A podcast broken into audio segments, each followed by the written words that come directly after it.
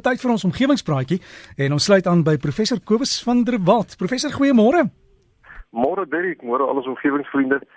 Derek het nou nog gevra oor die sterrereën. Uh, nou ek is nou nie 'n uh, uh, astrofisikus of 'n sterrekundige nie, maar ek het ook maar gegoogel en ek het gesien dat hy is aktief van uh, tot die uh, 15de Uh maar die hoogtepunt was nou op die 12de gewees. Nou ek raak ook altyd in mekaar met die goed. Mens moet onthou die 12de wat vandag is, het eintlik middernag al begin.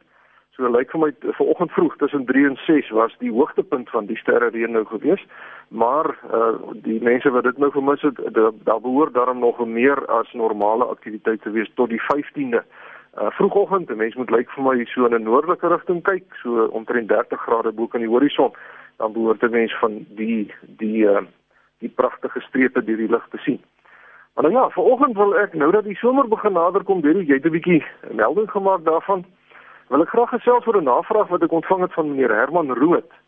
Wat vra of ek vir hom meer inligting kan gee oor hoe om te werk te gaan om 'n bestaande swembad te omskep in 'n natuurlike swembad en veral hoe om die alge op 'n manier te bestry sonder om nou die visse en die plante in die swembad te beskadig.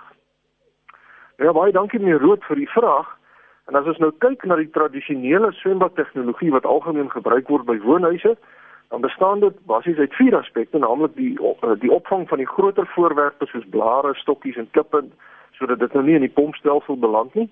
En daarna 'n sandfiltrering om die fynere voorwerpe te verwyder, gekoppel met 'n ontsmettingsmiddel soos kloor wat bygevoeg word om die groei van alge en bakterieë te voorkom en ook basies om alle lewe in die swembad dan te vernietig asook die byvoeging van 'n suur of 'n alkalisiese middel om die pH van die water binne 'n spesifieke bestek te hou. Met my eie swembad het ek gevind dat laasgenoemde waarskynlik die mees belangrike faktor is want as die suurgehalte nie reg is nie, dan kan jy maar kloor bygooi tot jy blou word die water word eenvoudig nie helder nie. Nou deur die jare was daar verskeie stories dat oormatige konsentrasies van kloor in swembadwater sleg vir 'n mens kan wees. En as mens 'n vinnige Google soektog doen, dan sien mense dat daar talle webwerwe is wat vir jou vertel ehm um, dat gereelde blootstelling aan water met baie kloor in lugweginfeksies en selfs asma kan veroorsaak of kan vererger. En dan is daar ook webwerwe wat sê dit kan neurologiese probleme veroorsaak, kardiovaskulêre probleme gee, vel- en oogskade kan veroorsaak en selfs gastro-intestinale en lewerinfeksies kan gee. Nou as dit alles waar was, dan moes ek teen hierdie tyd al 'n wandelende ensiklopedie vir siektes gewees het want ek is liever swem en ek swem my lewe in klootswembaddens en ek het nog niks agtergekom nie, maar as 'n mens 'n bietjie dieper krap, dan sien mens dat die harder wetenskaplike artikels wat nou ewe knie geëvalueer is, glad nie sulke sterk uitsprake maak nie. Daar is wel uh getuienis van enkele mense wat sensitief is daarvoor, maar die meeste artikels sê dat die verband tussen kloor in 'n swembad en siektetoestande onseker is. So dit is ook nou nie iets waarmee mense op loop behoort te gaan nie. Maar een van die effekte van hierdie stories is dat die mense nou begin soek het na 'n alternatiewe manier om die water in 'n swembad skoon te hou. En een so 'n manier uh, is soutwaterstelsels waar mens bloot sout, groot hoeveelhede sout nou die water voeg en die sout word dan deur middel van elektrolise gedissosieer in natrium en in kloor en die aanspraak is dat die water in soutswembaddens nie jou oë en vel so erg irriteer soos kloorswembaddens nie omdat die kloorvlakke dan dan natuurlik heelwat laer is. Die water voel ook sagter en die onderhoud van jou swembad is ook laer. Maar sulke stelsels is gewoonlik duurder as die tradisionele stelsels. Dit is meer kompleks en die hoë soutvlakke is meer korrosief sodat jou pompe en jou pype beskadig kan word. Daarom het mense nou nog verder gesoek na 'n stelsel wat nog minder negatiewe effekte het en die konsep van natuurlike swembaddens het toe die lig gesien. Nou die vraag is presies wat 'n natuurlike swembad dan nou is en die antwoord is dat dit uh, bloot die water suiwer deur van natuurlike prosesse gebruik te maak, presies net soos wat dit in bergstroompies of in vlei lande aangetref word. Met ander woorde, 'n mens skep 'n mini ekostelsel in jou tuin wat bestaan uit inheemse plante en ander organismes en mens gebruik dan daardie ekostelsel om die water vir jou skoon te maak. Die voordeel is natuurlik dat jy benewens 'n skoon en chemikalie-vry swembad ook 'n pragtige welige inheemse akwatiese tuin skep wat natuurlik ander organismes soos voëls sal aanlok en jou tuin 'n ware lushof sal kan maak. Daar word geen kloor, suur, sout of enige ander chemikalie by jou so swembad gevoeg nie En slegs 'n pomp word gebruik om die water deur jou akwatiese tuin te sirkuleer. Wat beteken dat as jou tuin eers gevestig is, so 'n swembad net so onderhoudsvry sal wees as enige bergstroompie in die natuur. En as mens nou slim is, dan rus jy jou pompie met 'n sonpaneeltjie toe, wat beteken dat jou swembad se onderhoud jou dan net mooi niks sal kos nie. Nou meer rood het gevra hoe mens 'n bestaande kloorswembad in so 'n natuurlike swembad kan omskep en hoe die alge bestry moet word. En die antwoord is dat mense in die akwatiese tuin poeltjies inbou waarin mense dan nou visse sit. En die visse doen 'n wonderlike werk om oormatige alge te bestry, maar mense moet ook besef dat dit juis die alge en ander waterplante is wat die onsuiverhede uit die water uit verwyder. So mense wil nou ook nie al die alge doodmaak nie.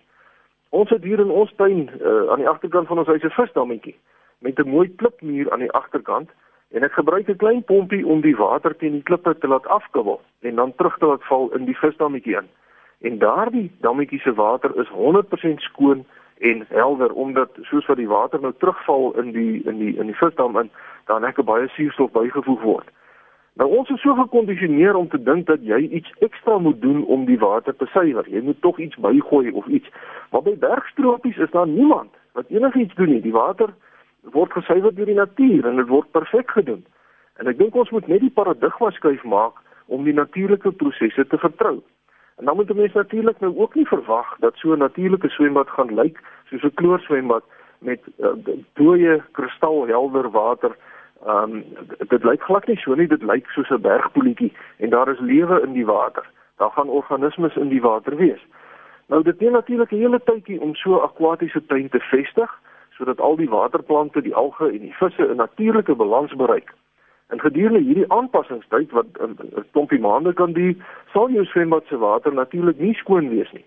Maar as die hele ekostelsel in jou tuin nou eers 'n balans bereik het, dan sal jy sien dat jou swembad se water net so silwerskoon is as 'n ongerepte poeltjie hoog bo in die berge. Natuurlike swembaddens gebruik dus organismes soos alge om die water te suiwer, waar kloor en sout swembaddens die natuurlike organismes alles doodmaak. En dis die groot verskil want ek sal veel eerder die water van 'n natuurlike swembad drink as 'n kloor. Ek nie twee keer dink om hoog bo in die berge 'n lekker slukkie water uit 'n bergpoeltjie te drink nie. Nou hoe maak mens? Die internet is vol advertensies van maatskappye wat jou kan help om so 'n natuurlike swembad te bou en daar's ook heelwat planne beskikbaar vir mense wat dit self wil doen. Jy kan dit self doen. So soek maar net rond uh, maak die nodige veranderinge en belangrik vertrou dan die natuur en gee hom kans om sy ding te doen. En daarmee sluit ek af vandag. Omgewingsvriende kan gerus vir my skryf by kobus.vanderwalt by nwu.ac.za of kyk op omgewingspraatjies se webwerf vir meer besonderhede. En daarmee groet ek vriendelik tot 'n volgende keer. Professor alles van die wese baie dankie en uh, jou webtuiste is nog steeds omgewingspraatjies wat goed doen hè? Erik, dankie. Ja, uh, die die webblad, ek was die afgelope week in Swaziland, so ek het nou nie iets geplaas op die op uh, op Facebook nie, maar uh, ek is terug en ons is weer aan die gang. En toe gesels ons dan met professor Kobus van der Walt en professor jy moet luister, ek gaan nou 'n liedjie speel van Glen Campbell, ek weet jy's 'n musikant. Uh hy was baie goed op die 12 snaar gitaar gewees. Ek sal dit graag wil hoor. Hy is 'n bekend reis jy's vir sy gitaar werk, nie is hy? hy hy twee albums uitgebring net gitaarmusiek. My wêreld. Nou ja, laat ons luister. Ons so gesels professor Kobus van der Walt. E-pos is kobus.vanderwalt by nwu.ac.za.